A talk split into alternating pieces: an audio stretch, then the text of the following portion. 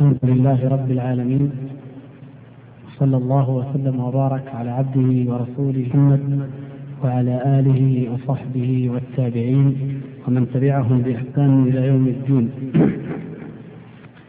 أما بعد فكما سمعنا نسأل الله سبحانه وتعالى أن ينفعنا جميعا بما نسمع وما نقول. إن أولياء الله عز وجل هم كما قال تبارك وتعالى ألا إن أولياء الله لا خوف عليهم ولا هم يحزنون الذين آمنوا وكانوا يتقون فلا يكون ولي من أولياء الله تبارك وتعالى كافرا. الكافر لا يكون وليا لله بل هو عدو لله وهو ولي الطاغوت ووليهم الشيطان وهم حزبه وجنده وأعوانه. كذلك لا يكون المجنون أو من يعتريه الجنون في حال جنونه لا يكون وليا لله تبارك وتعالى كما يزعم ذلك الصوفية الضلال وأمثالهم وتعرضنا أيضا للصبي ومن لم تبلغه الدعوة وحكم دعوة أو زعم ولايته وقلنا للإخوة الكرام إن المقصود والمراد من ذلك هو الرد على من يظنون أن لله تبارك وتعالى أولياء من غير المؤمنين من غير المسلمين قد يزارون أو يقصدون في بلاد نائية أو جبال بعيدة أو مغارات يذهب إليها بعض الناس ويجدون فيها بعض العباد والزهاد ويظنون أنهم أولياء لله عز وجل. وهذا من تلبيس الشيطان وتلاعبه بعقول كثير من الناس من الصوفية أو غيرهم. نسأل الله سبحانه وتعالى أن يثبتنا وإياكم على الحق والإيمان والسنة. إنه سميع مجيب. آه جاءت بعض الأسئلة المتعلقة بهذا على أننا إن شاء الله سوف نكمل هذا الموضوع بالحديث عن عصمة الولي. وهل الولي هل من شرط الولي أن يكون معصوما؟ هذا نتحدث عنه إن شاء الله تعالى في الأسبوع القادم بإذن الله. أما موضوع تميز الأولياء فأيضا نرى أنه واضح ولا إشكال فيه إن شاء الله تعالى.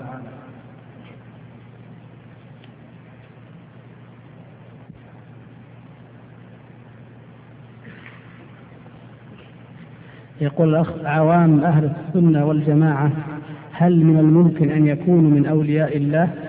أم لا بد أن يكونوا علماء أو طلبة علم؟ من خلال ما تقدم نعلم الجواب إن شاء الله وهو أن أولياء الله تبارك وتعالى لا يشترط فيهم أن يكونوا علماء أو طلبة علم. بل قلنا كما ذكر شيخ الإسلام رحمه الله إن الأولياء هم في هذه الأمة في عموم هذه الأمة منهم التجار ومنهم الصناع ومنهم الزراع ومنهم المجاهدون ومنهم القراء ومنهم العلماء. فالولاية هي إيمان وتقوى الذين آمنوا وكانوا يتقون. فكل من حقق الإيمان والتقوى فهو ولي لله تبارك وتعالى بالمعنى الخاص. وكل من آمن بالله ورسوله صلى الله عليه وسلم فهو ولي لله بالمعنى العام لكن تنقص ولايته بمقدار ما يكون فيه من تقصير أو ارتكاب لما حرم الله أو تفريط فيما أوجب الله تبارك وتعالى والعوام إنما ينقصهم عن العلماء أو بعبارة أخرى العلماء إنما يفضلون على بعض العوام بماذا؟ بأنهم يعلمون ما جاء عن الله ورسوله صلى الله عليه وسلم تفصيلا وإلا فقد يوجد من العوام من قوة الإيمان والصدق والإخلاص واليقين والرغبة والرهبه والإنابة وكل الأعمال الإيمانية ظاهرة أو باطنة ما عند العلماء أو ما يصورونهم فيه أو ما هو أكثر من بعض العلماء لكن الميزة أن العلماء يعلمون حدود ما أنزل الله على رسوله تفصيلا. وهذه ميزة لا شك أنها ميزة. ولكن لو تجرد العلم من التقوى لم ينفع صاحبه. وكذلك العامي لو عبد الله تبارك وتعالى بغير علم أصلا عبده على جهالة لم يسأل عن دينه في ضرورات الدين على الأقل التي يتعبد بها فإنه لا ينفعه ذلك. فلا بد للعامي من قدر من العلم وإن كان عن طريق السؤال فاسألوا أهل الذكر إن كنتم لا تعلمون. والعالم لا بد أن يعمل وإن لم يعمل بعلمه فلا خير فيه. بل هو كما ضرب الله تبارك وتعالى المثل مثل الذين حملوا التوراة ثم لم يحملوها كمثل الحمار يحمل أسفارا نسأل الله العفو والعافية. هذا من أسوأ الأمثلة. أو كالمثال الآخر فمثله كمثل الكلب إن تحمل عليه يلهث أو تتركه يلهث هذا إذا لم يعمل العالم بعلمه ويؤدي ولم يؤدي به علمه إلى تقوى الله عز وجل. كما قال الله تبارك وتعالى إنما يخشى الله من عباده العلماء. العلماء هم الذين يخشون الله عز وجل أي هم أكثر خشية من غيرهم لأنهم يعلمون ويعرفون عن الله عز وجل ما لم يحط به غيرهم. فإذا عوام أهل السنة والجماعة هم من الأولياء. ونستطيع أن نوضح بشكل أكثر فنقول إن الأولياء كما كما قد اتفقنا إلى أن المؤمنين هم الأولياء. وكلمة الولاية من الألفاظ الشرعية. فإذا قلنا الأولياء أو الأبرار أو المتقون أو المهتدون أو المستقيمون أو أهل الجنة أو أتباع السنة أو أي اسم من هذه الأسماء وهذه الأوصاف الشرعية فالمعنى واحد. إذا الأولياء فيهم العامة وفيهم الخاصة. المتقون فيهم العامة ومنهم العامة ومنهم الخاصة. الصالحون منهم العامة ومنهم الخاصة. المهتدون منهم العامة ومنهم الخاصة وهكذا الأوصاف الشرعية هذه تترادف ومنهم العامة ومنهم الخاصة. فعلى ذلك يكون عوام أهل السنة والجماعة هم من عوام الأولياء وعلماء أهل السنة والجماعة أي العلماء العاملين هم من خاصة الأولياء أو من علماء الأولياء. ولا إشكال في هذا إن شاء الله.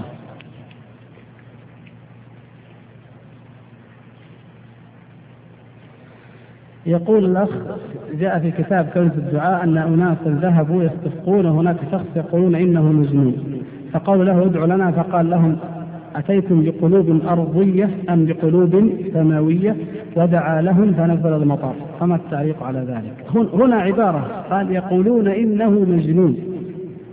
إذا لن يجزم القائل بغض النظر عن صحة الرواية من عدمها لم يجزم بأنه كان مجنونا. من يقال إنه مجنون قد يكون من أعقل الخلق. بل الآن الملاحظ المشاهد أن كثيرا من الناس يطلقون على الشباب المتدين المتمسك لقب مجنون. يطلق على المستقيم الذي يترك الحرام ويبتعد عن الشبهات ويخاف الله عز وجل ويقف عند حدود الله. مجنون. ولا غرابة فقد قالوا ذلك للأنبياء حتى لرسول الله صلى الله عليه وسلم. فهكذا قالت الأمم لأنبيائها شاعر ساحر كاهن مجنون إلى غير ذلك. فالإطلاق مجنون قد يكون تهمة. فربما يكون هذا الشاب أو هذا الرجل من أولياء الله الصالحين المستقيمين اعتزل ما عليه أهل هذه القرية من ظلم وفساد وفجور وانحراف فسموه المجنون.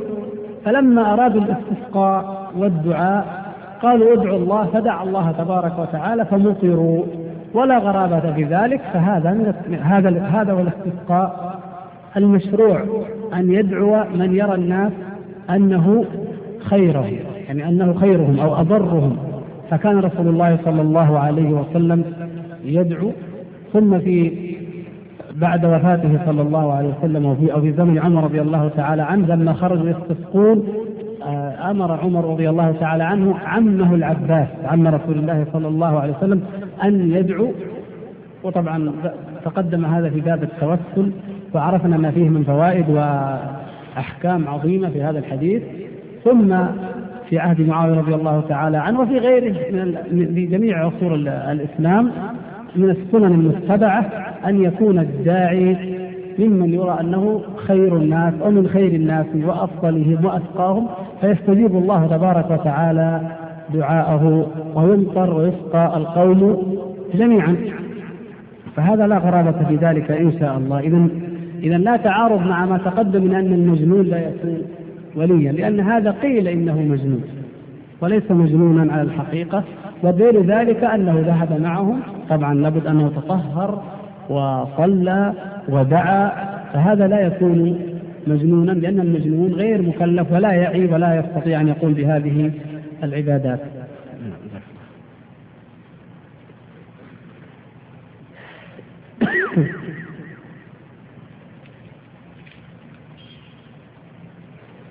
يقول الأخ الكريم ذكر شيخ الإسلام في بعض كتبه قال علماء أهل السنة أفضل من علماء غيرهم ومتكلمون متكلموهم طبعا أفضل من متكلمي غيرهم وصوفيتهم أفضل من صوفية غيرهم أو كما قال رحمه الله. فماذا كان فماذا كان قصده بذكر متكلم أهل السنة وصوفيتهم؟ وجزاكم الله خيرا.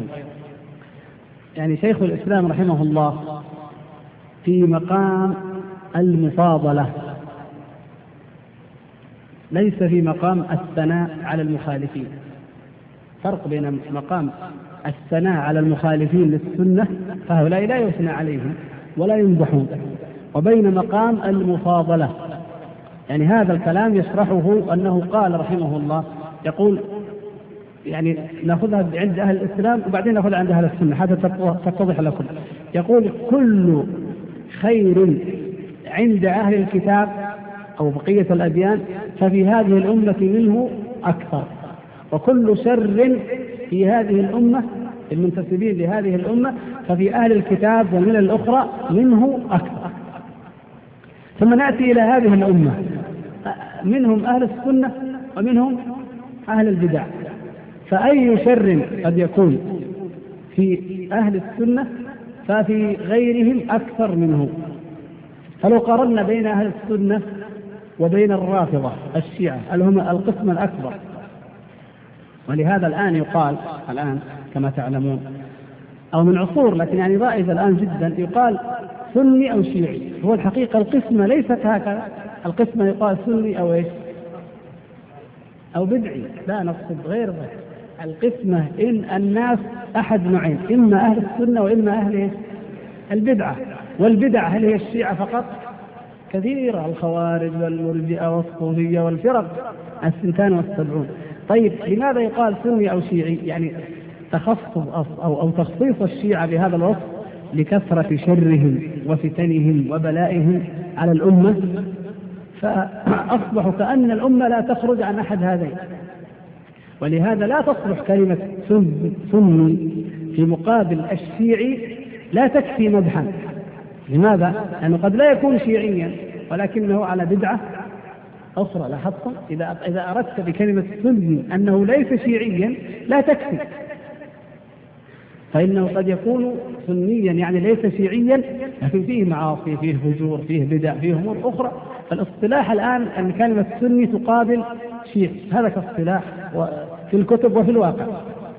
فإذا إذا أخذنا إذا قارنا بين أهل السنة بهذا المعنى العام وبين الشيعة. فإن كان يعني عند الشيعة يعني كل الطوائف أو الأوصاف الموجودة يعني الشيعة فيهم الشعراء فيهم المتكلمون فيهم الصوفية فيهم العباد إلى آخره وكذلك السنة بهذا المفهوم أهل السنة الذين ليسوا شيعة فيهم هؤلاء. فنجد أن عباد أهل السنة خير من عباد الشيعة. وأن متكلمي أهل السنة خير متكلمي. الشيعة وإن كان أهل الكلام من أهل السنة يعتبرون إيش؟ مبتدعة. لكن بما أنه ليس متكلما شيعيا إنه متكلم سني بمعنى ليس شيعيا المفهوم العام. هذا هو المقصود. فكل ما ينتسب إلى السنة هو خير يعني كل طائفة من أهل السنة وإن كان فيها ما فيها من خطأ أو انحراف أو بدع فهي خير ممن من أهل الرفض والتشيع مهما زعموا ومهما أدعوا.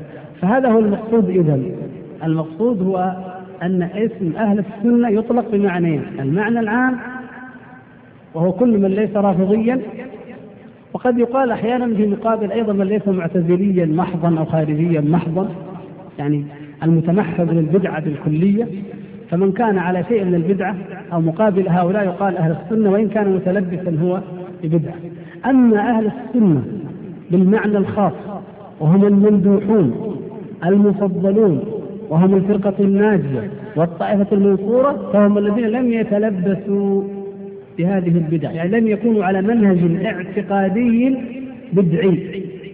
وإن وقع منهم شيء من ذلك فيقع على سبيل الخطأ لا على سبيل المنهج المتبع وإنما يقع الخطأ لأنه ليس من شرط أن يكون الرجل من أهل السنة أن يكون معصوما فقد يخطئ لكن فرق بين من يخطئ فيوافق كلاما لأهل البدع وبين من يتبع أهل البدع في منهجهم الذي يعلم أنه مخالف لأهل السنة. فهذا الذي يحمل عليه مثل هذا الكلام. أما أن يفهم منه البعض أن أهل السنة فيهم الصوفية وفيهم المتكلمون يعني هم يقرون على ذلك وهم ممدوحون وهم من الفرقة الناجية والطائفة المنصورة فلا هذا فهم خطأ وشيخ الإسلام رحمه الله. بل كل أحد يا إخوان ليس فقط شيخ الإسلام أي أحد لا بد أن تضم كلامه بعضه إلى بعض. لو أخذت جانبا من كلام أي واحد فقد يظهر لك أنه خطأ أو تحكم عليه بالخطأ لكن ضمه إلى غيره. هل مقصوده بهذا الكلام؟ أن أهل السنة كل من قال أنا من أهل السنة ولو كان متكلما أو صوفيا فيه ما فيه فهو مفضل ليس هكذا.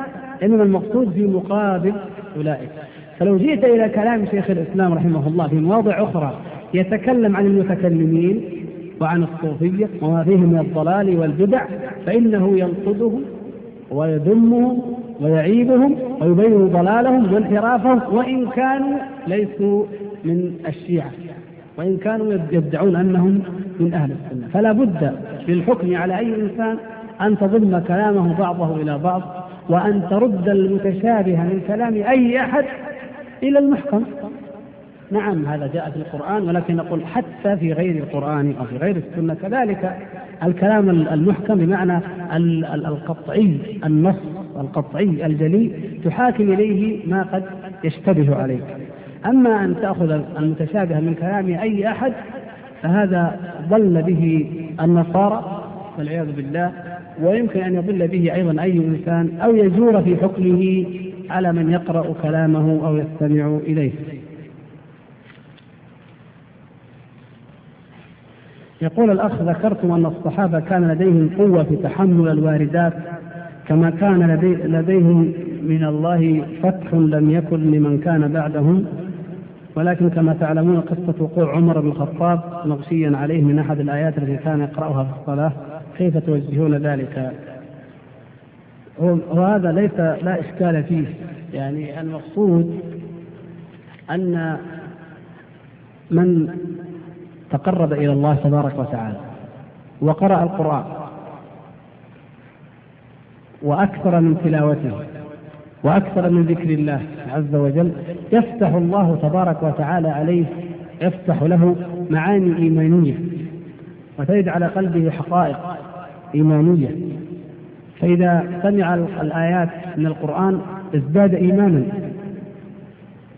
وازداد يقينا وفتح له أمور أو حقائق قد لا يستطيع أن يعبر عنها، أكثر الناس لا يستطيع أن يعبر عنها لكن يجدها في نفسه، وهكذا كلما تفكر في خلق الله، كلما ذكر الله، كلما تفكر في الآخرة وفي الموت وفيما أعد الله، يزداد إيمانا وتتجلى له حقائق ومعاني عظيمة.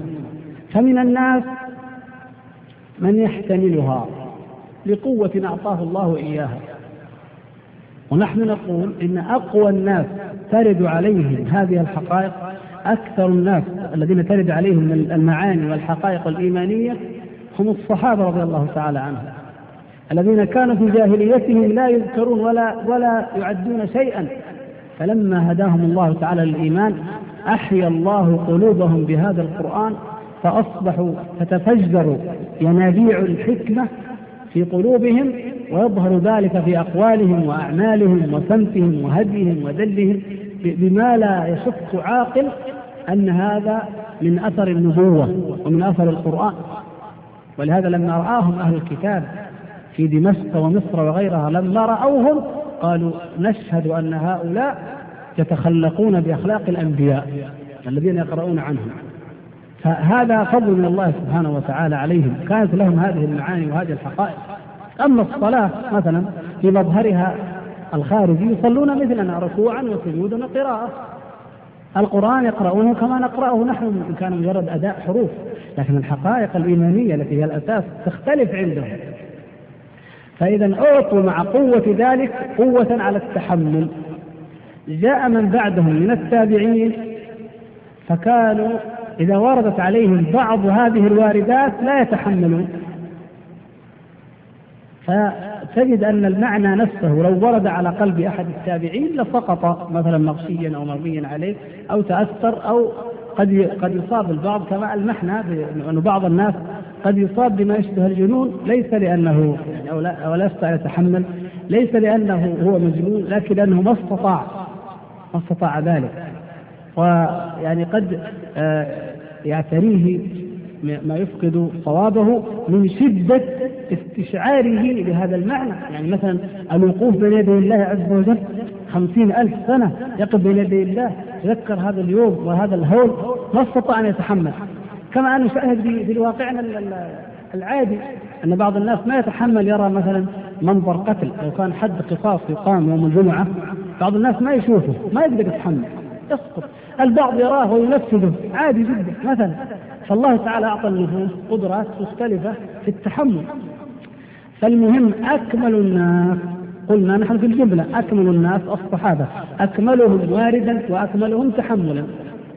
جاء من بعدهم فلا نقول إنهم أكملهم واردا ولكن لو ورد شيء مما يرد على الصحابة عليهم لما استطاعوا أيضا أن يكونوا أكمل تحملا قد يأتي مثل هذه الحالة ما روي أو ما نقل عن عمر رضي الله تعالى عنه إن ثبت أنه مرض أو حمى أياما لأنه سمع الآيات من سورة الطور أو غيرها مثلا هل هذا يناقض ذلك؟ نقول ما يناقضه لماذا؟ لأن هذا حالة عابرة حالة عارضة.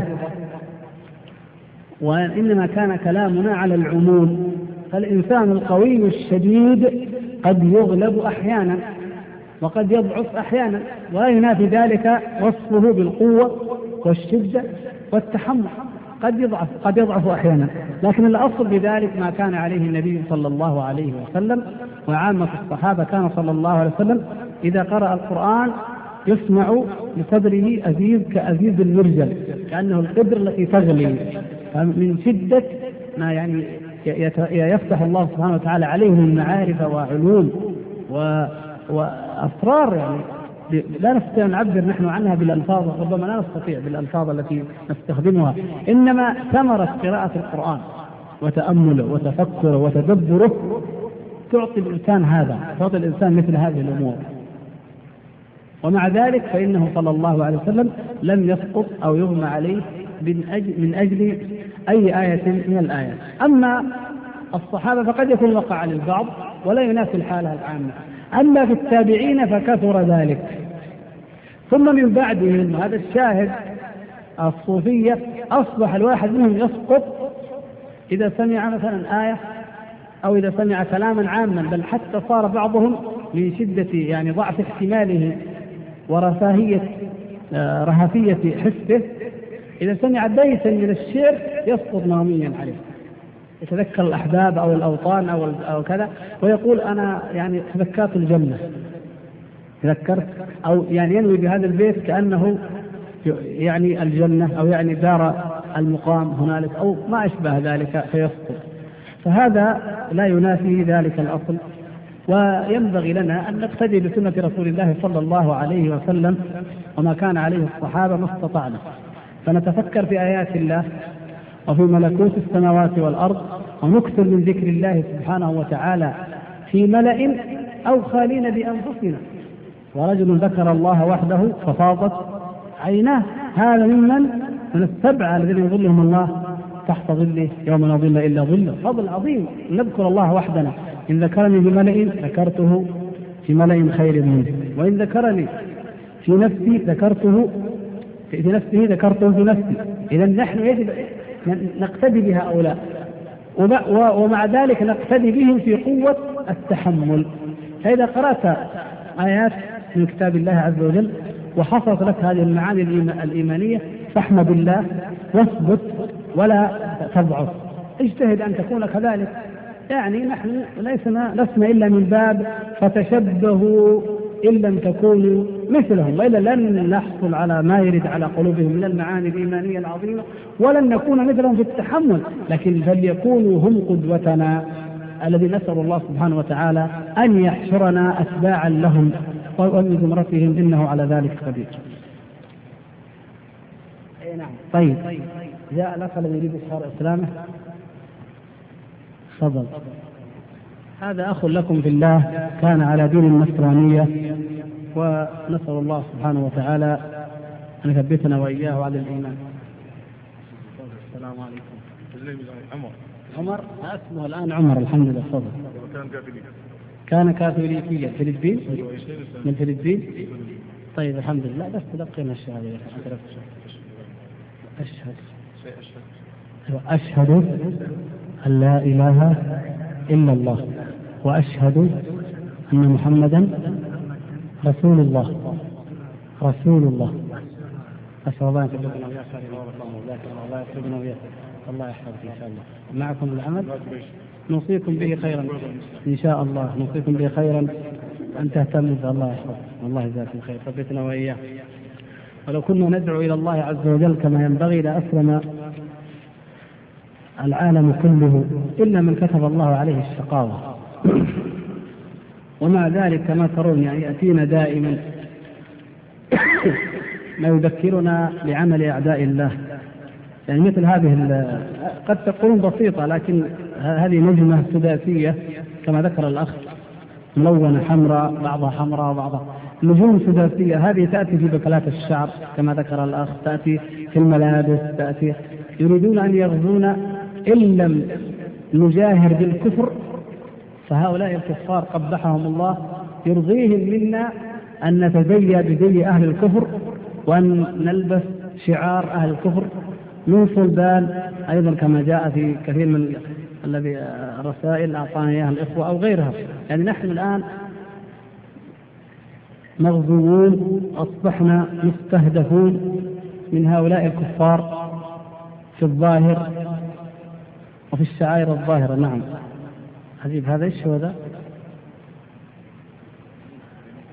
أيوه إيش هو إيش هو المال عبايات؟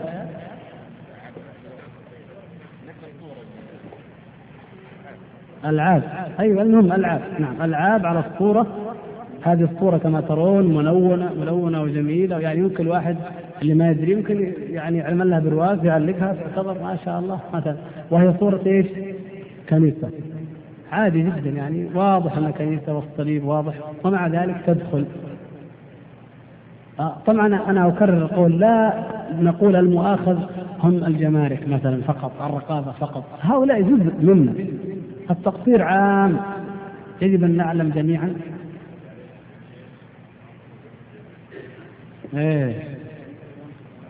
صحيح صحيح. لا هذا واضح مرة يعني هذه هذه دعاية فعلا الكنيسة الألمانية الغربية واضحة. إذا يعني ما أخفوهم حتى الكتابة. يعني ما نقول مثلا لأنهم أمة تدين بهذا الدين جعلوا شعارهم الكنيسة لهم كتبوا ذلك. يعني فهي بضاعة أو شعار مقصود متعمد أن يكون رمزا لدعوة كنسية.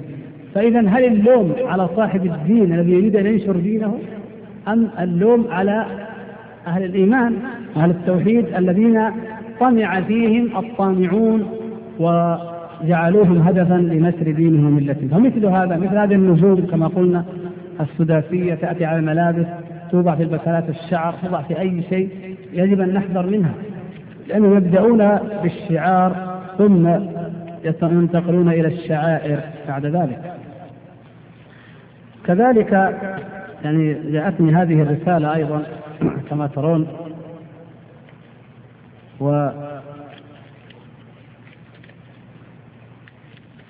تحتوي على صورة وعلى رسالة. هذه الرسالة أيضا آه، داخلها صورة كما ترون هذا يزعمون أنه المسيح عليه السلام. قاتلهم الله. النصارى وأتوا بكلام من كلامهم الذي نقرأ منه أحيانا ولا يخفى عليكم إنما رسالة توجه يا ابني الحبيب الغالي سلام مني أنا أملك أنا ملك السلام. أنت لا تعرف اسمي. هذا هو اسمي. عجيبا مشيرا. شوف كيف إلها قديرا أبا أبديا رئيس السلام. أنا الرب. يعني هذا حتى حتى هذا الكلام يا إخوان لو تتبعتم بشائر النبي صلى الله عليه وسلم لوجدتم أن الذي يدعى مشيرا وعجيبا أنه هذا من الصفات أو اسمه عجيبا أنه من صفات أو من بشائر النبي صلى الله عليه وسلم. لكن هم جعلوه أنه المسيح وأدخلوا فيه إلها وربا وقديرا إلى آخره. يعني آخر التوقيع كما ترون بالخط الكبير أنا الرب يسوع المسيح. تعالى الله عما يقول. رب ما المسيح ابن مريم إلا رسول قد خلت من قبله الرسل وأمه صديقة كانا يأكلان الطعام. الإله يأكل الطعام. وبالتالي من أكل الطعام يحتاج إلى الخلاء؟ لا يمكن ذلك أبدا. ولهذا أول ما أنطقه الله قال إني عبد الله. آتاني الكتاب وجعلني نبيا. لا ألوهية ولا شيء. فهكذا يعني الله تعالى بين لنا ولكن هم يزعمون ذلك. المهم فكلها رسالة لا نطيل بقراءتها. الأربع صفحات تشتمل على أن أنا آخرها يعني. أن يؤمن العبد بأنه أنا الرب يسوع المسيح ملك الملوك ورب الأرباب خالق الكل. تعالى الله عما يشركون. أنا الرب يسوع المسيح. شوف على طول بعد هذا الكلام. المصلوب من أجلك. يعني شوف خالق الكل ورب الأرباب وبعدين إيش؟ مصلوب سبحان الله. سبحان الله. ما أضل عقول النصارى. ما أسقف عقولهم. حتى ذكر ابن القيم رحمه الله في إغاثة اللهفان أن أحد ملوك الهند قال إن النصارى سبة وعار على الإنسانية. النصارى سبة وعار على الإنسانية عموما. ولأنه من حكماء الهند يعني ما كان آه، على دين كتابي. لكن بالعقل هكذا. إذ كيف يقولون إنه هو الله والرب ثم يقولون إنه ولد ونشأ طفلا ثم في النهاية إيش؟ صلب وقتل رب يجعل أو يرضى أن أعداءه يتسلطون عليه ويصلبونه وبعدين ماذا يقولون يقولون إنه وهو على الصليب قال إيلي إيلي لما سبقتني إيش معناها؟ قالوا يقول إلهي إلهي لما تركتني؟ لما تخليت عني؟ طب هذا عبد هذا عبد مخلوق يقول إلهي إلهي لما تركتني؟ على كلامهم وهو عيسى عليه السلام لم يصلب وما قتلوه وما صلبوه ولكن شبه لهم. الذي صلب الذي شبه لهم. على قول يعني الراجح أنه صلب رجل شبه لهم أنه المسيح لأن الجند الرومان ما كانوا يعرفونه. شرطة من الشرطة ما يعرفونه. فلما رفع الله المسيح وألقى شبهه عليه قالوا هذا هو المسيح فذهبوا به. فهو يعني عبد كأي عبد لله. وهو يتأوه على الصليب عندما أراد ويقول يا إلهي لماذا تركتني؟ يدعو الله. كأي إنسان حتى لو كان كافرا يدعو. فهذا الذي يقول إلهي إلهي لما تركتني؟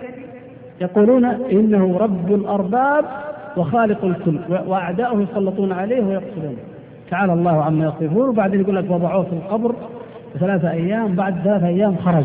يا سبحان الله.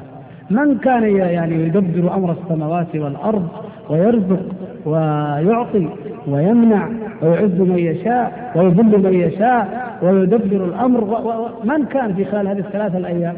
وهو في القبر. وهو فوق الصليب يسكت سبحان الله عما يصفون المقصود أنهم لا يتورعون يرسلون هذه الأوراق إلى أي أحد. وارسلوا أيضا مع هذه الصورة آه، صورة آخر اللحظات عندما كانوا يضعون الصليب ليصلبوه وجاءوا بكلام الإنجيل في ظهرها. يعني ورقة وحدها كذا وطباعتها طباعة يعني عميقة إنه كيف أنه في لوقا أن قال المسيح تحب الرب إلهك من كل قلبك ومن كل نفسك ومن كل قدرتك ومن كل فكرك. فكيف أنهم لما سألوه قال له آه أحضروا شهود الزور وقال رئيس الكهنة هل أنت المسيح ابن الله? فأجابه نعم. فحكموا عليه بالموت. فيقول تفرقت جارية في بطرس وقالت إنك مع يسوع. فخاف بطرس وأنكر يسوع ثلاث مرات. يعني شوف سخافة العقول. بطرس كبير الحواريين باتفاق جميع طوائف النصارى. رئيس الحواريين أكثرهم التصاقا وقربا من المسيح عليه السلام. فينكر معرفته به ثلاث مرات يتنكر له ويقول إن المسيح قال له قبل أن يصيح الديك مرتين تنكرني أو تنكرني ثلاث مرات. نعم قبل أن يصيح الديك مرتين. تنكرني ثلاث مرات. فوقع ذلك. يعني يستدلون بذلك على إيش؟ على أن المسيح يستطيع أن يعرف أو يعلم ما سيكون مثلا أو أخبر بشيء فوقع. طيب لكن ما هو الذي وقع؟ على فرض أن هذا وقع. يقول لكبير حواريه وأصحابه قبل أن يصيح الديك تنكرني تتبرأ مني. فالنتيجة إيش؟ فالنتيجة أن هذا لا يصلح أن يكون حواريا لا يصلح أن يكون من من المقربين لدى رسول الله عيسى عليه السلام. بغض النظر عن قضية الدعوه الألوهية. إذا هذا طعن في الحواريين. أنه أنكر ان ان ما ما هذا علاقته به أنكر علاقته به خوفا أن يصلب وقال لا أعرفه ابدا. ما أعرفه. فهذا ليس في مقام المدح إنما في مقام إيش؟ الذم والطعن والتنقيص لكن هؤلاء لا عقول لديهم إنما القضية عندهم تقليد واتباع طيب إذا كانوا بهذه المنزلة وبهذه العقلية وطمعوا فينا معنى ذلك إيش يتصوروا عقولنا؟ يعني هم في ظن إيش تكون عقولنا؟ يعني, يعني يرون أننا لو آمنا بهذا الكلام الذي لا يقبله عقل أننا ارتفعت عقولنا. لهذا زويمر قال لهم لا تطمعوا أن تخرجوا المسلمين أن تخرجوهم من الإسلام فتدخلوهم في نور النصرانية. هذا درجة عظيمة. قال هذا لا قد لا يستحقها كثير من المسلمين لكن يكفيكم أن تخرجوهم من دينهم وأن تجعلوا المسلم بلا دين فإن عمل فلشهواته وإن جمع المال فلشهواته إن رضي فلشهواته إن غضب فلشهواته كل شيء فيكون مسلما بالاسم لكنه بلا دين يعني يكفي من المنصرين هذا العمل. هذه المرحلة الأولى التي يعني يعتمد أو يراها المنصرون المرحلة الأولى هي التي أكثر ما يعمل وهي إخراج المسلم من دينه. المرحلة الثانية إدخاله في النصرانية هذه مرحلة لاحقة فيما بعد. فهم إذا يحتقروننا يحقروننا ولا يروننا لا يرون لنا عقولا وإلا لما كان سفهاؤهم هؤلاء يطمعون في أن ينصرونا ولذلك أيام قوة الإسلام هل طمعوا فينا؟ أيام قوة عقيدتنا وايماننا هل طمعوا فينا؟ والله ما طمعوا بهذا الشكل أبدا.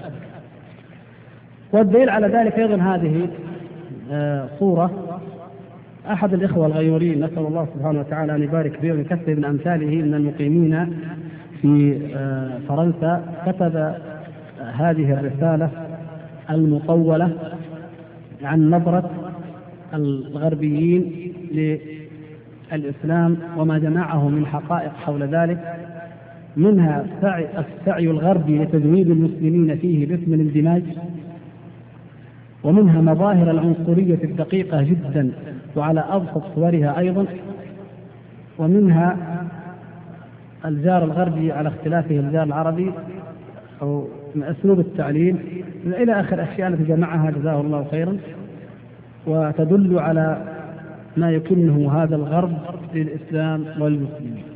ولا يخفى عليكم الآن كلنا نعلم ذلك. الغرب الذي يفتخر بأنه عرف العدالة والحرية والمساواة ومعاني الإنسانية الآن من إيطاليا إلى أسبانيا إلى فرنسا إلى بريطانيا يغيرون قوانين الهجرة وقوانين الإقامة ليضيقوا على من؟ على المسلمين. يغيرون القوانين ليسلموا المسلمين إلى المطلوب المطلوبين من المسلمين إلى من يطلبهم من حكوماتهم. كيف يسلم فلان من أمريكا؟ كيف يسلم فلان من ألمانيا؟ القانون لا يسمح بل يغير القانون. الغرب الذي يفتخر بأنه قانون أو نظامي وأنه لا يتعدى القوانين والأنظمة وأنه لا أحد فوق القانون ولا فئة فوق القانون كما يزعمون يغير القانون إذا كان في تغييره تحقيق مضرة بالمسلمين أو بمسلم أو بداعية من دعاة الإسلام. لاحظوا هذه. قد بدت البغضاء من أفواههم وما تخفي صدورهم أكبر. يعني بالذات المتسلطون منهم وأصحاب الرأي وأصحاب القرار وإلا فيهم لا شك من ينكر ذلك. أنا يعني معلوم لكن الأغلب أصحاب الرأي وأصحاب القرار والمتنفذون هم بهذه الصفة كما نسمع هذه الأيام ومن تشنيعهم وتشهيرهم ينشرون مثل هذه الصورة المزرية. صورة يعني نوع من القردة وهو لابس عقال عربي وبيده خرطوش الأنبوبة البنزين يعني العربي عندهم هو هذا. هذا هو العربي في نظرهم. قرد كالح الوجه يلبس هذا العقال الذهبي المقصد ورأس مالهم هو هذا البترول. طبعا رأس الأنبوبة ليس بنزين إنما هو إيش؟ عملات ورقية يعني أكثر الفئات. يعني 20 دولار أو 50 ما أدري بالضبط. المهم هذا هذا هو العربي أو هذا هو المسلم في نظر الغربيين. نعم. اي نعم. يعني هذه الصورة صورة عادية. يعني صورة عادية عندهم. من الصور التي كما نجد الآن في المكتبات يعني تهدى أو تباع. إذا دخلت محل تبغى تهدي لصديقة لك مثلا عندهم أي أي صورة تختار ممكن تختار هذه الصورة وترسلها إليه في كرت توصلها له فينبسط شوية ويضحك على العرب. وخلاص ويترفه شوية هذا هؤلاء هم العرب وهؤلاء هم المسلمون. هذه نظرتهم لنا. أما نظرتنا لهم قد قرأنا قبل فترة في إحدى الجرائد المحلية عاصمة النور. أنا أقول عاصمة النور. طيب هذا يتكلم عن إيش؟ عن باريس التي توزع فيها هذه الصورة. عاصمة النور. بلاد الفسق والدعارة والكفر والظلمات والفجور هذه عاصمة النور. أي نور أي نور جاءنا من الغرب؟ متى؟ في أي مرحلة؟ من تاريخنا؟ جاءنا النور من الغرب. جاءتنا الحروب الصليبية من الغرب؟ نعم. جاءنا الاستعمار القديم من الغرب. يأتينا الاستعمار الآن الحديث هو أخبث الثلاثة من الغرب؟ نعم. هذا الذي نعرفه. أما النور ما رأينا نورا على الإطلاق جاء من الغرب.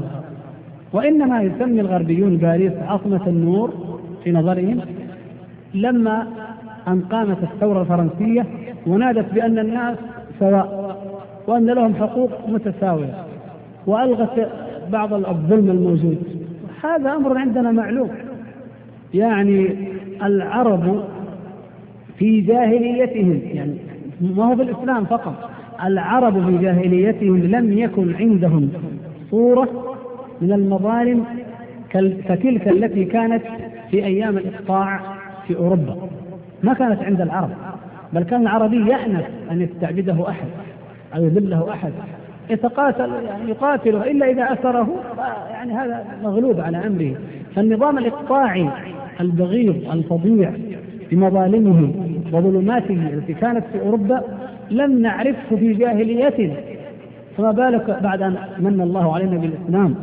وأنار قلوبنا. وحررنا العالم نحن بالإسلام والحمد لله.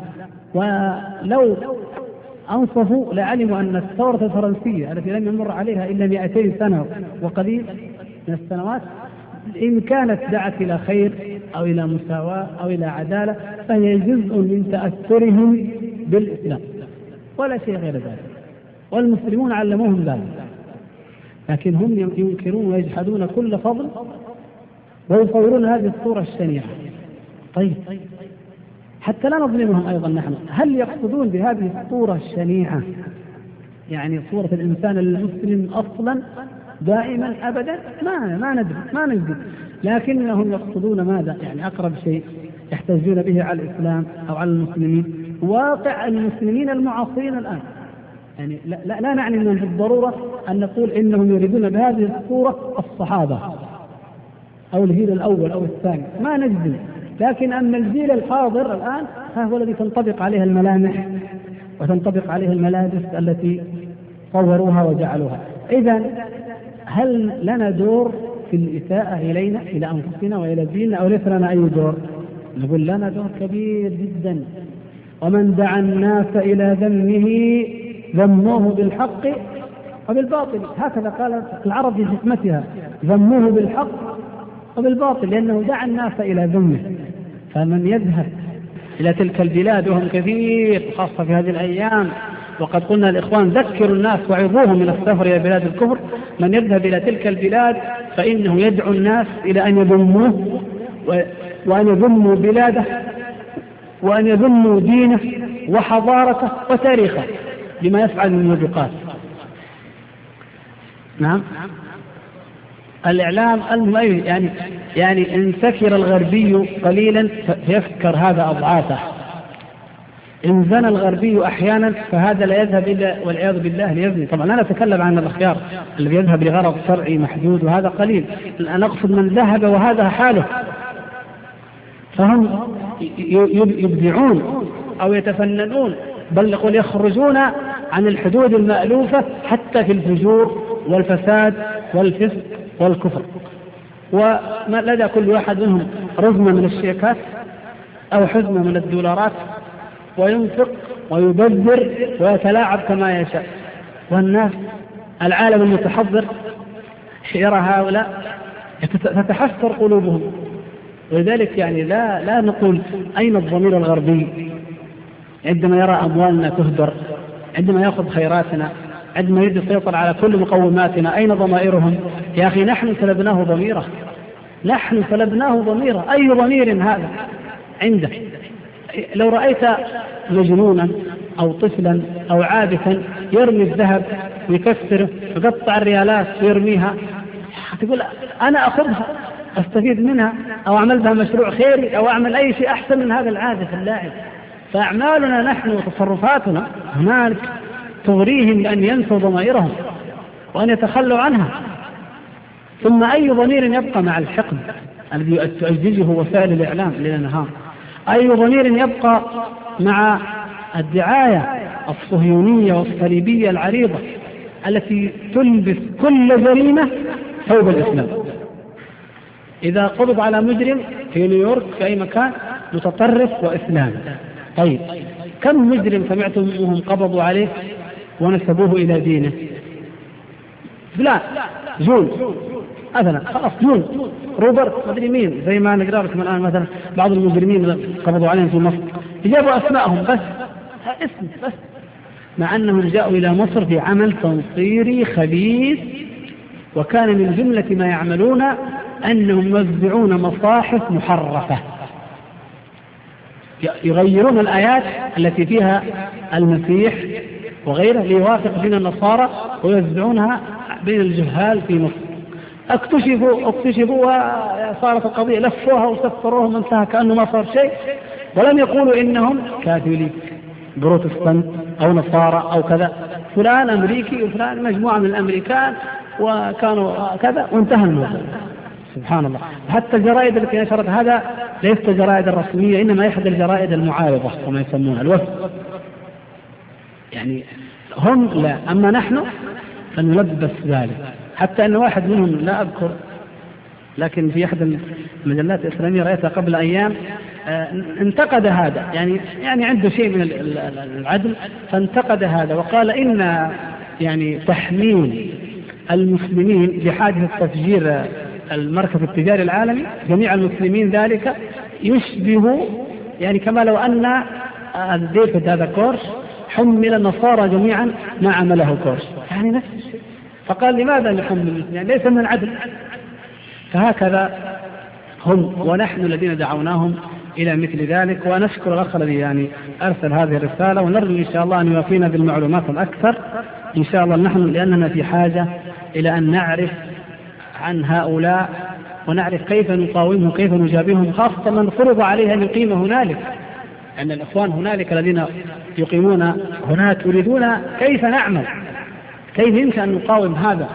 ونحن يجب علينا هنا أن نمدهم بأي شيء نستطيع يدرأ الشر هناك لمنابعه وليروهم صورة الإنسان المسلم الطاهر التقي العفيف الورع الحكيم الذي حتى في نفقته حتى في ماله حتى في مظهره لا يسرف ولا يقتر نريد أن يروى الصورة الحسنة للإنسان المسلم فيتقبل منهم كثير بإذن الله. هذا شيء طبيعي جدا سيتقبل كثير منهم بإذن الله. الإسلام إن رأوا هذه الأخلاق أخلاق النبوة. فمن الواجب أن يكون بين هذه الاختلاف وهذا التعاون. وإكمالا لذلك أيضا كما نشرت هذه جريدة المدينة هذه؟ المدينة؟ نعم.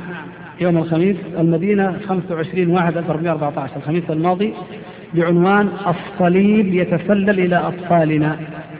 كيف؟ يقول الحرب ضد الإسلام والمسلمين تزداد عنفا والأعداء لم يتركوا وسيلة إلا واستخدموها لهدم عقول المسلمين في كل مكان حتى الأطفال لم يسلموا من هذا الغزو فشعار الصليب كما هو واضح في الصورة تم إقحامه على لعب الأطفال بأسواقنا. إن الأمر يحتاج إلى وقفة صادقة لمعرفة المسؤول عن هذا التهاون. وهو كما ذكر. أنا نشكر الجريدة والأخ المحرر الذي يعني اهتم بهذا ويعلم أن مهمة الإعلام هي حماية العقيدة أولا ثم حماية الخلق وحماية آه، كل مصالح الناس أيضا بعد ذلك. لكن الأساس هو العقيدة أن تحمى من مثل هذه الحرب كما ترون يعني الصليب بشكله الواضح هنا. ثم الألعاب نفسها تشتمل على صلبان.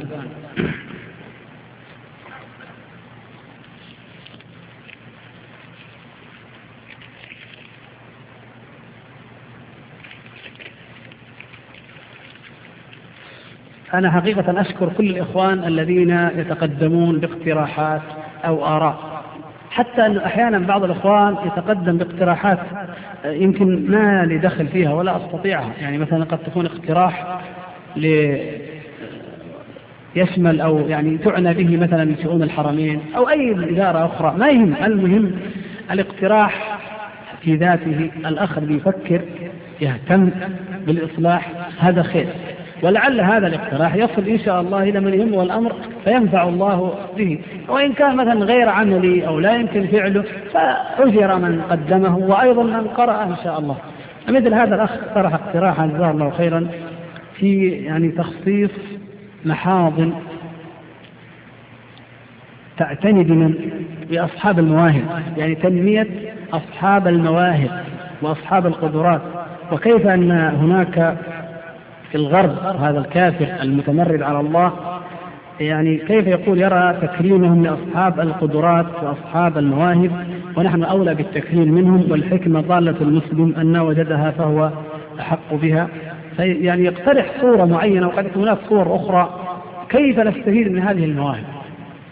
لا يوجد أمة في العالم لديها من المواهب من الطاقات العقلية ما لدى هذه الأمة. وإن شئتم أن نضرب مثل على ذلك فلنفرض أننا وهم سواء. يعني ما هي نزعة عنصرية نقول إحنا أذكى من الغرب. أفرض أننا نحن وهم سواء من الناحية الجسدية والتكوينية. كم يأخذ منهم الخمر والزنا وفقدان الأم والأب؟ كم تأخذ من عقولهم؟ كم تشتت من أفكارهم؟ كثير جدا. الطفل عندهم ينشأ بلا تربية أسرية سليمة بلا تربية اجتماعية قويمة. ثم يدمن الزنا والعياذ بالله والفسق والفساد والمخدرات والخمور وما أشبه ذلك لسنوات من شبابه. وقليل منهم من يسلم من هذا أو يسلم له عقله أو كذا. يعني يعقل أن هذا الذي يشتغل بنصف عقل أو بربع عقل. وبهذه التربية المنحرفة أن يكون أفضل من الأمة التي تتربى والحمد لله تربية. مهما عندنا من خلل نحن أفضل منهم تربية. نحن أفضل منهم أسريا. مهما كان عندنا في التربية الأسرية من انحرافات أحيانا أو كذا نحن أفضل منهم على أي حال. على أي تصور تصورت نحن أفضل من الغرب في الجملة يعني. لا نعني أحد الناس. ونحن الحمد لله يعني نخطط ونفكر بعقل كامل. فكيف يغلبنا هؤلاء؟ المشكلة أننا طاقات مهدرة. ضائعة. من ينميها؟ من يربيها؟ من يكتشفها؟ هذه المشكلة. فالنابغ مظلوم. واحيانا أحيانا بلسان الحال إن لم نقل بلسان المقال نقول لا نريد النبوغ يعني كان واقع حالنا فلنأخذ مثال صغير محدود بلاش المثال العام. مثلا المدرسة.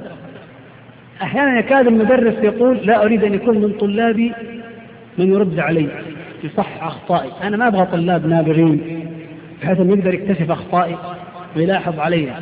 كلما كانوا يعني وسط أو أغبياء كانه احسن لي المدير يبغى المدرسين يكونوا كلهم ارضه أغبياء أو وسط حتى لا يكون في واحد أفضل مني.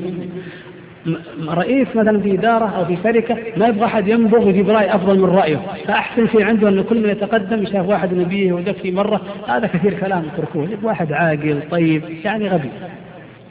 يعني سبحان الله فكأننا نقول إيش؟ لا لا نريد نحن النبوغ والنابغين. واحد رأي جايب رأي جديد تطوير فكرة معينة هذا كلام فاضي وما يصلح يلا لكن المهم يعني لسان حالنا خلي كل شيء يبقى زي ما هو. إياك أن تطور شيء إياك أن تبدع إياك أن تفكر إياك أن تقترح. خليك زي ما هو وبس وما لك شغل. وتمشي الأمور زي ما هي. مهما كان فيها من أخطاء. هذه مشكلة لا يمكن أن تنهض الأمة وهذا حالها وهذا شانها أما لو فتح المجال للإبداع للفكر نشكرك يا أخي الكريم مثلا أو يا ابني أو يا تلميذي أو يا أخي أو يا زميلي في العمل. على الفكرة لكن يمكن كذا كذا ما نقدر ننفذها. لكن تشكر انه فكر يغير. والثاني والثالث والرابع. لكن نحن سبحان الله من ضيق أفقنا ومن ضيق تفكيرنا أصبحنا نضيق بمجرد الاقتراح. ما بتغيير وما قال لك أنا بغير. بس اقتراح وقدمه لك. لا إيش؟ إيه مين يبغى؟ إيش وراءه؟ شوف وش يبغى هذا؟ يمكن يكون كذا يمكن يكون ألف تهمة تركب. واقتراح اقتراح ما أعجبك احفظه ما في مشكلة. بس افتح صدرك أنك تسمع من الناس. وفكر بعقل غيرك. مو عقل واحد فقط. يدير كل الإدارة كل المؤسسة. سبحان الله. لماذا لا؟ يعني لا لا نسمع نفتح المجال. الغرب الخبيث هذا الكافر المارد يعني وبالذات الأمريكا كيف تفوقت على غيرها؟ يعني إلى درجة لا يهمها أن يأتي هذا العقل من أي بلد. اذهب إلى مستشفياتهم لو واحد زار مستشفياتهم مؤسساتهم تجد الصين والهندي والإفريقي والمصري مثلا والتركي والياباني والألماني وكل جنس تجده في أمريكا. في, في الأمور المهمة الحساسة القوية العميقة سبحان الله. ما هو بس فقط لما المواهب اللي عنده. يشتري العقل هذا من أي مكان ويغريه بأعظم الإغراءات. أي طالب يأخذ ممتاز عندهم يتخرج درجة ممتاز يحق له يقدم ويأخذ الإقامة الدائمة ويبقى عندهم لأنه أخذ ممتاز بس. يعني نستغرب أن هذه الأمة تتفوق. لازم تتفوق لأنها تحرص على الامتياز. طيب ما عندها من أبنائها من يكفي؟ أعطت غيرها. تريد أن توظف هذه الخبرات لها. في باطلها في كفرها في كبريائها في تسلطها على عباد الله. فنحن أولى بذلك. المهم حقيقة اقتراح جيد ونشكر كل أخ يحاول أن يقترح يطور في الدعوة في الأمر المعروف والنهي عن المنكر في, في, في النواحي العلمية في المجالات التربوية وأكثرنا له علاقة بالأمور التربوية إن لم يكن مدرسا ففي في دعوته. كل داعية فهو مربي. طور فكر كيف كيف يعني تجيب أفضل سبيل والحكمة كما ذكر الأخ نعم الحكمة ضالة المؤمن فعسى أن يفتح الله تبارك وتعالى عليك بأمر. وكم من أفكار عظيمة تتبناها مجالس عليا أو قيادية. أصلها أنبثقت من فكرة إنسان عادي جدا طورها ونقد نقحها ثم قدمها إلى من؟ يعني أضاف إليها وعدل فيها حتى صارت لها قيمة ولها يعني فائدة. في شيء؟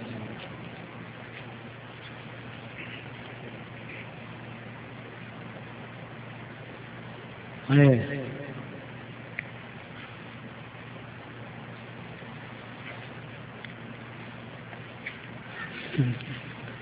الدنيا عجائب نعم. الله المستعان. هذه الوثيقة جون ميزر. طبعا تكلمنا عنها فيما مضى وقلنا لو تصلنا النص وأرسلوها يعني وصلتني من أكثر من جهة النص الإنجليزي موجود. أيضا ما نجزم حتى بالنص يمكن نقول ان الوثيقة مزوره يعني لا إحنا ما يهمنا أن نجادل انه كتب هذا الكلام ووقع أو ما وقع. لكن هل هذه الحقائق واقع أو غير واقع؟ هذا الذي يهمنا. ما قيل في هذه الوثيقة حقائق واقعة وهذه هذه مجلة المجتمع. نعم. نشرت هذا وغيرها أصلا هو منشور في مجلة ليليان البوسنوية. والمصادر التي نسبت إليها أنها مصادر إسلامية استطاعت أن تصل إلى هذه الوثيقة. فعلى أي حال هذا جزء مما تحدثنا عنه آنفا لأن العدو عدو ولا تلمه يعني عمر أبو ريشة عندما قال لا يلام الذئب في عدوانه إن يكن راعي عدو الغنم. القصيدة المعروفة بعد حرب الهزيمة النكبة اللي يسموها النكسة أو النكبة. أمتي هل لك بين الأمم منبر للسيف أو للقلم؟ أنت لا تلوم الذئب لأن الذئب إنما خلقه الله وكانت له تلك الأنياب والمخالب ليفترس إنما المشكلة إن فرطنا نحن وجعلنا أمتنا هذه فريسة لهؤلاء في البوسنة أو في أي مكان. ونرى كما في الصفحة الأخرى نرى تأديب عيديد وتدليل كاراديتش. فعلا شيء عجيب جدا. يعني هو عشان إحنا نتعاطف مع عيديد وعيديد علماني. ولا ولا ولا نظن حتى انه عيديد مهما قال الإسلام أو الجهاد إلا المصلحة نفعيه لكن حتى على معيارهم هم لماذا هذه المعاملة غير المتوازنة؟ لا هذا يجب ان يقبض عليه وأن يؤدب وأن يفعل ويفعل به وهو في بلده. وأما ذاك فيخالف القرارات الدولية والشرعية الدولية والإجماع الدولي ويتحدى الجميع ويدلل. كل مرة تجي خطة أفسد مما قبلها وأضعف مما قبلها وتعطي الفرصة. يعني حقيقة القضية قضية المسلمين في في البوسنة والهرسك تثير العجب. لو تأملت أي نشرة أخبار أو تصريح الغربيين أو أي كلام عما سوف نفعله فسره دائما أو انظر تجد أنه دائما كالذي يقول أيها الصرب عجلوا عجلوا. ما فعلتم شيء. انتهوا. سوف نعقد مؤتمر نجعل كذا. نجمع كذا. نقرر كذا. كل هذا يعني معنى يا صرف انتهيتم ولا باقي؟ يقولوا باقي. طيب نغير الخطة. يا صرف سويتوا شيء؟ يدفع شوي. هذا هذا شغلهم. ونحن قاعدين نردد الكلام ونمشي لا لا عمل إيجابي ولو ولو بقدر ما أستطيع ما في. لذلك مشكلتنا من أنفسنا. والله تعالى قال حتى عن الصحابة رضي الله تعالى عنهم أولما أصابتكم مصيبة. قد أصبتم مثليها. قلتم أن هذا قل هو من عند أنفسكم. قل هو من عند أنفسكم. مشكلتنا في البوسنة والهرسك من عند أنفسنا ليست الآن. عندما دخلت الجيوش التركية فاتحة وفتحت تلك البلاد ماذا عملت؟ ماذا عملنا؟ هنا السؤال. الخطأ بدأ من تلك الأيام. الحرب بين الصرب والترك قديم وتدخل الإنجليز والأوروبيين فيه قديم ولو قرأنا تاريخ البوسنة نجد العجب كله. هذا هذا ما يدور الآن. صفحة من ماضي كله على وتيرة واحدة على منوال واحد على منهج واحد. ما السبب؟ نحن أصلا لن يدخل العثمانيون والأتراك لم يدخلوا فاتحين مسلمين بالمعنى الكامل الصحيح. إنما كانوا يقتلونهم فإذا غلبوهم دعوهم في الجملة إلى الإسلام وإلا بقوا مسيطرين عليهم بالقوة وهم على دينهم. اليونان والبلغار ويوغوسلافيا هذه الجمهوريات وما حولها وجزء كبير من أيضا من آه، الدول الشرقية رومانيا كلها دخلها العثمانيون الفاتحين. لو نشروا العقيدة الصحيحة واللغة العربية وأدخلوا الناس في دين الإسلام لكانوا مسلمين جميعا. معقول؟ حكومة مسلمة تحكمهم أربعمائة سنة. ثم تخرج عنهم وإذا بالمسلمين أقلية. لماذا؟ إذا نحن أصلا ما كنا حملة عقيدة وحملة رسالة بوعي إنما كانت قوة. الدولة العثمانية دولة قوة وجهاد لا ينكر. والحمد لله أنها دفعت شر أوروبا. فحولت المعركة من بلاد الشام ومصر إلى أن صارت المعركة في قلب أوروبا نفسها. هذا لا شك عمل كبير لكن مشكلة جهاد بلا عقيدة ولا ولا علم ولا فقه في الدين لا يصلح. لا للأمم ولا حتى للأفراد الجهاد لابد أن يكون على عقيدة وعلى علم وعلى تفصيل معرفة تفصيلية بما أنزل الله تبارك وتعالى. كما جاهد النبي صلى الله عليه وسلم جاهد أصحابه فيفتحون البلاد وإذا بهذا البلد المفتوح يفتح الله قلوب أهله فيدخلون في دين الله أفواجا ويأتون إلى هؤلاء الرجال الأخيار. يتعلمون منهم الدين ثم ينشرون هم الدين ويصبحون مجاهدين.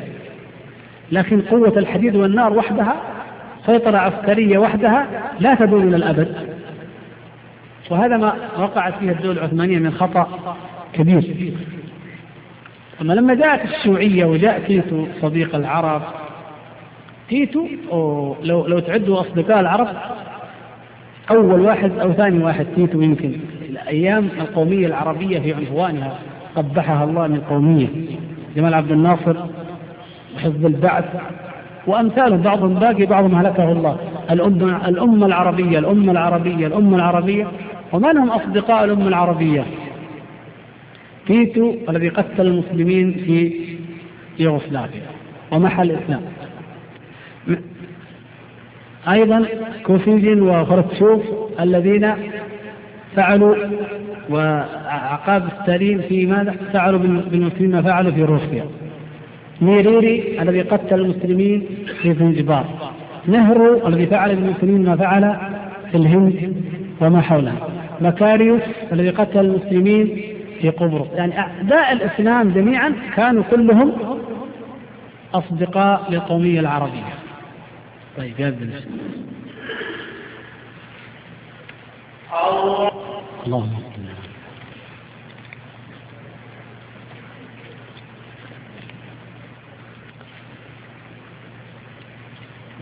المقصود لأن الحديث يعني ذهب بنا من عند أنفسكم فعلا.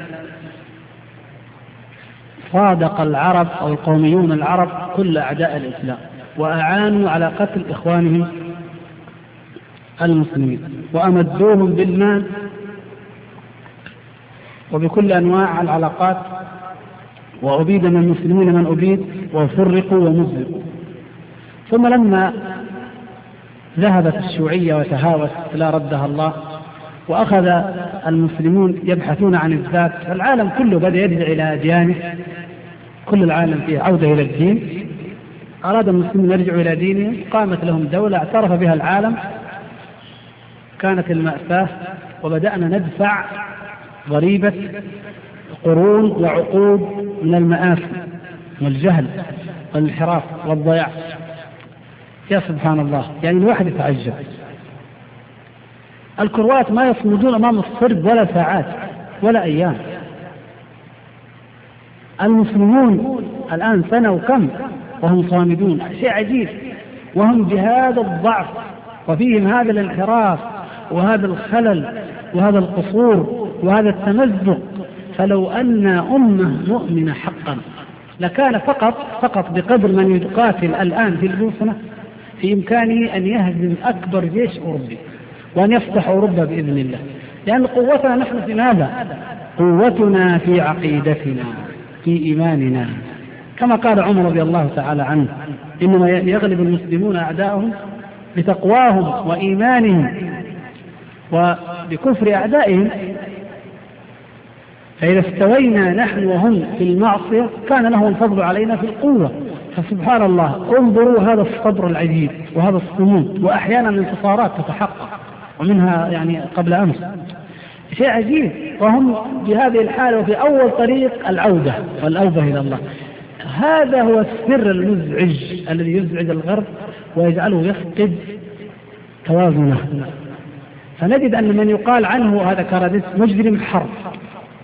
وقتل من جنود الأمم المتحدة قرابة خمسين. ويمنع قوافل الأمم المتحدة كل يوم. ويطلق عليها النار كل يوم. ومع ذلك يتنقل بين عواصم العالم. ويستقبل كزعيم. ويقابلوها الممثلين الدوليين. عادي جدا. ها؟ وهذا عشان عيديد بن عيديد قتل مجموعة والمقتولين من فين؟ باكستانيين. ما الأمريكان هربوا. فصار المسلم يقتل المسلم. وبعدين قتل المغاربة. برضه ما استفدنا شيء. لكن مع ذلك لا يقتل جنود الأمم المتحدة ضد الرب. يدمر وأصبح يقتل العوام وحتى المستشفى يهدم لأنه أطلقت النار المستشفى. حتى المستشفى يدمر لأن النار أطلقت على جنود الأمم المتحدة. طيب والذين في البوسطن أليسوا أمم متحدة أيضا؟ نفس الكلام لكن انظروا المعيار كيف يختلف. لماذا يعرفون هم هم يعرفون خطر هذا الدين أن خطره عليهم في هذه العقيدة أن خطره عليهم في الجهاد ما يسمونه الأصولية التطرف إلى آخره عندهم شعور جانب منه هيبة ورعب يقذفها الله تعالى في قلوبهم كما قال صلى الله عليه وسلم نصرت بالرعب مسيرة شهر. وقد قررنا لو تذكرون في موضوع النبوة عندما تحدثنا الموضوع أن هذا ليس له لشخصه صلى الله عليه وسلم بل لجيوشه ولكل من يدافع نصرة دينه. إذا يعني مثل مثل الآيات الأخرى وجعلت لي الأرض مسجدا وطهورا. هذا أيضا من آيات الله ومن ومن من فضل الله ومن مزايا هذه الأمة وتفضيل النبي صلى الله عليه وسلم. فهو لهذه الأمة كلهم. المقصود أن يعني هذا جانب الرعب الذي ألقاه الله في قلوبهم جانب. الجانب الآخر أنهم يجدون فعلا قوة حقيقية غريبة لا يستطيع أن يواجهوها. يعني لماذا يذهب الشاب المسلم إلى أمريكا ويدعو إلى الله على يعني نافلة الوقت ولا يرجع بإذن الله؟ والإخوان موجودون الحمد لله ما يرجع إلا وأسلم على يديه مجموعة من هؤلاء وعن رضا وطواعية واختيار ومحبة في الدين ويصبح قلبه وولاؤه إسلاميا. سبحان الله. وهم يبعثون آلاف المنصرين. من أجل هذا ومن تنصر فهو لجهله. وطبعا ينصرون حتى بالملايين ما نقلل أهميتهم. لكن هل هل يستطيعون أن يملكوا قلبه وشعوره ولبه؟ سبحان الله. فرق كبير بين الأمرين. وإن كان في الظاهر هناك نجاح. إذا هذا الدين سره العجيب. أنه حق أنه من عند الله عز وجل أنه لا إله إلا الله محمد رسول الله صلى الله عليه وسلم أنه الذي تكفل الله عز وجل أن يظهره على الدين كله ولو كره المشركون. ولكن مهما أيقنوا أن الله مظهر دينه لا يكفون عن محاربته بأنفسهم أو بعملائهم أو بأجهزتهم. فيخيفهم أي شيء إن, إن أنت تراه عادي جدا ما يخيف يخيفهم لأن أهل الباطل دائما يخافون من من الحق لو اجتمعت عصابة كلهم من أعتى الدهاة فكريا شفت كيف؟ وسرقوا مالا لأحد ورآهم طفل لظلوا كل الأيام والسنوات يخافوا من مين؟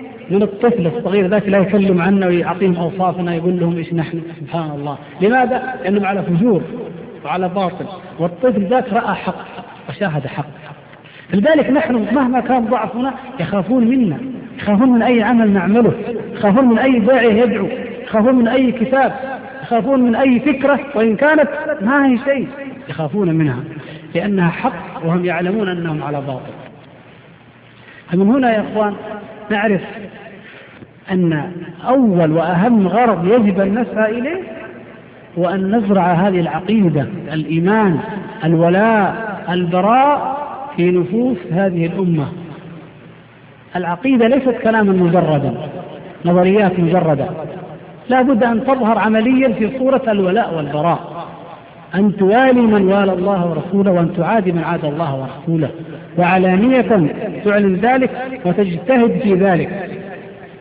ومن هنا يجب أن نعلم أن أي حدث يقع في أي بلاد من بلاد المسلمين لا يصح أن يفسر بأي تفسير لا ينبني على أصل العقيدة والطاعة والمعصية.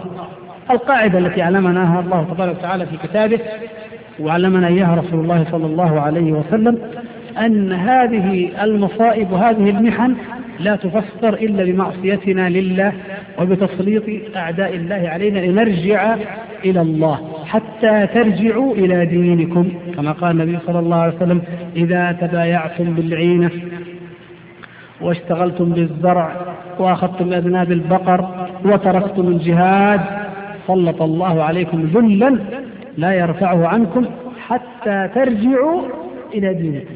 حتى ترجعوا إلى دينكم. هذا هو الاساس يجب أن يكون لدينا معلوما جميعا إن شاء الله. أي نعم الإعلانات قبل ما ينتهي الوقت. وعندنا أشياء أخرى.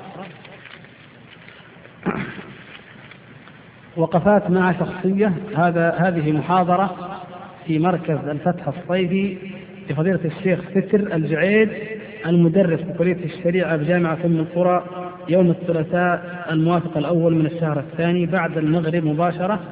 في ثانوية الفتح طريق مكة كيلو ثلاثة بجوار المعهد العلمي. آه محاضرة أيضا بعنوان معالم من طريق الإيمان يلقيها الشيخ عبد العزيز بن أحمد الحميدي. يوم الثلاثاء نفس اليوم بعد صلاة المغرب بمقر مركز المركز الصيفي بإسكان الحرس الوطني في جدة مدرسة أبي عبيدة. لا يوجد مكان للنساء. كويس عشان واحد ما يعرف طيب آه محاضرة أيضا للشيخ أنيس بن أحمد طاهر وذلك يوم الاثنين غدا إن شاء الله. اثنين يعني. بعد صلاة المغرب لمركز ذو النورين الصيفي المقام بثانوية متوسطة ذو النورين لتحفيظ القرآن الكريم في حي الرحاب خلف برج دلة نهاية شارع التضامن الإسلامي. علم بأن عنوان المحاضرة الإسلام بين التميع والتنطع. جزاه الله خيرا. وجزاهم جميعا خيرا.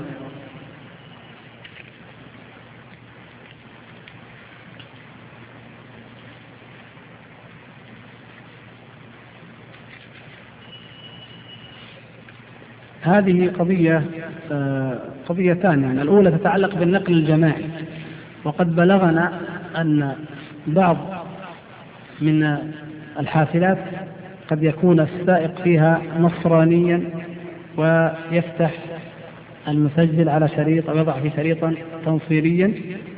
والبعض يعرض كما ذكر أحد الأخوة في رسالة من الأسبوع الماضي أن بعضها على الطريق الطويل تعرض أفلام. يكون فيها تلفزيون تعرض أو فيديو تعرض أفلاما لا غير لائقة. هذه بعض الملاحظات على النقل الجماعي. نرجو إن كان في الإخوة من يوصلها إليهم. ويعني يتأكد إذا قالوا ما هي موجودة يتأكد أو يثبت لهم ذلك. على أي حال المهم التناصح واجب بيننا وبينهم وأنصحهم بنصيحة أخرى. وهذه من زمان كنت أتحين فرصة لها أن شركة النقل الجماعي توظف في بعض ورشها وفي كثير منها النصارى. وأسوأ من ذلك أن بعضهم إذا أسلم فإنه لا يعامل المعاملة اللائقة. فلعل هذا الصوت يصلهم إن شاء الله ولعل من فيه غيره منهم ونرجو أن يكونوا كثيرين إن شاء الله أن يهتم بهذا الموضوع. والموضوع الآخر يقول الأخ أن هذا الشريط كما ترون وهو شريط مغلف وملون. سبحان الله يعني لما تشوفه يبدو أنه باللغة التركية الله أعلم. من شكله يقول هذا الشريط يباع بريال واحد. بريال. في تسجيلات ذكر اسمها وهو من أقبح الأشرطة وهي وسيلة لمحاربة دين الله علما بأنه لا يوجد أي تسجيلات إسلامية تبيع بهذا السعر. كيف تبيع بريال؟ معنى يعني هل يعقل أنه هو كله ريال تكلفته وتسجيله معناه الشريط إيش؟ مدعوم. يعني في أشرطة مدعومة أو لها أغراض خبيثة أو يعني وراءها ما وراءها وإلا كيف يكون بريال؟ نعم. المهم يعني حللها كل واحد حلل ما يشاء. المقصود أن هذا عندما يكون هذا الخبث والخلاعة والفجور والتنصير وبريال هذا ريال المفرد اللي يأخذ الجملة كم يطلع؟ فمعنى ذلك أن هناك فعلا أيادي خبيثة تريد أن تهدم الإسلام والعقيدة الصحيحة. ولنفرض أنه لا يشتريه ولا يسمعه إلا من يفهم هذه اللغة إن كانت مثلا تركية ولا أي لغة. حتى هذا يا أخي يعني أليس من الواجب علينا وهؤلاء بين ظهرانينا أن نعلمهم العقيدة الصحيحة؟ نحن وندعوهم إلى الله. كم عندنا دروس باللغة التركية في جدة؟ الأخوان من مركز الدعوة في دروس بالتركية؟ ما ما أعرف ولا درس. سبحان الله مع أن الأتراك في جدة كم؟ آلاف. انظروا المطاعم مثلا وشركات كثيرة وغيرها. ولا درس. إذا تركناهم فريسة لهؤلاء فيأتي هؤلاء بهذه الأشرطة. وأيضا الفيديو أخبث والمجلات تأتي من تركيا أخبث. وليست تركيا وحدها هذا مثال عندك الفلبين وعندك تايلاند وعندك وعندك ممن هم؟ أشد. الكافر منهم أو من ينتسب الإسلام. كلهم. بعيدين جدا. إذا نحن المقصرون في هذا الواجب. نسأل الله سبحانه وتعالى أن يوفقنا لتلافي ذلك. وأن لا يجعل حديثنا دائما على سبيل التلاوم. نلوم أنفسنا أو بعضنا يلوم بعض. نريد أن كل ما يأتي شيء من هذه الأمور يحركنا للعمل. فلنفكر يا أخي على الأقل فيما أستطيع أنا. أنا أخذ كتيبات باللغة مثلا التركية. أعطي صاحب المطعم الذي بجواري في الحي وأشتري منه. إن كان يفهم اللغة العربية أيضا أكلمه بها. وبالمناسبة أيضا يعني لو كان عندكم بعض كتب عن الرافضة أو عقائدهم تعطوهم إياها لأن كثير من الأتراك المتكلمين باللغة العربية والذين يعملون في المطاعم ويعملون في المسلخ هم نصيرية علوية. فهم من أقبح أنواع الرافضة. من جنس النصيرية الذين في سوريا. إذا لابد أيضا أن ندعوهم إلى الله ويعرفوا العقيدة الصحيحة. وإلا ذبحهم ما حرام ذبيحتهم ميتة جيفة وأكلهم وطبخهم ولا ندري ربما أيضا يتعمدون أن يفسدوا علينا شيئا من ذلك. ولا كأن ندري الواحد يروح يجيب عمال أو أيا كانوا مثلا يهم أنهم ما شاء الله ممتازين في نظره يقوم بالواجب في الشغل لا يسأل عن دينهم ولا عن عقيدتهم. وأيضا الزبائن من أمثالنا يهمه أن يشتري ويمشي ولا يفكر كيف يدعوهم. وهكذا نصبح نحن مقصرين بكل حال ونحن المسؤولون بكل حال. فيا إخواني الكرام بارك الله فيكم. والله هذه العبر سواء ما يتعلق منها بالواقع العالمي أو بالواقع المحلي وما نراه من مثل هذه النشرات والأشرطة والدعايات والبضائع كل هذه تذكرنا أن عقيدتنا مستهدفة وأن الواجب علينا أن نحافظ عليها وأنه لا يكفي أن نقول الحمد لله نحن مسلمين وطيبين وموحدين. الحمد لله ما قلنا أنهم مشركين لكن قد ننسى هذا قد نضيع وقد نصير إلى حالة كما ذكر الله تعالى وما يؤمن أكثرهم بالله إلا وهم مشركون. شعر أو لم يشعر تنتشر شعائر الكفر تنتشر معالمه وتنتشر دعاياته ويحبب إلى نفوس الناشئين من الأجيال هذه المسكينة والعوام. غير ما في البث المباشر وبرايا الدشوش غير ما في الصحف غير ما في الإعلام الذي الآن أصبح مفتوح على العالم كله. ونحن ما قمنا بالواجب لا في المسجد ولا في الإدارة ولا في العمل اللي نعمل فيه. تبارك الله فيكم اجتهدوا في هذا. ولا تملوا يعني أن يكرر عليكم هذا الكلام لأن الأعداء يستفزوننا كل حين. والشيطان عدونا يعمل كل حين. يجب أن نذكر أنفسنا أيضا نحن كلما استطعنا أن هذا واجب علينا. ولا تقول أنا ما أقدر أتكلم وما أقدر أوعظ. يا أخي خذ كتاب خذ نشرة خذ شريط وأعطه. من يستفيد منه إن شاء الله. نسأل الله سبحانه وتعالى أن يوفقنا وإياكم ويحب ويرضى وأن يجعلنا من الدعاة إليه. على منهج رسوله صلى الله عليه وسلم إنه سميع مجيب والحمد لله رب العالمين.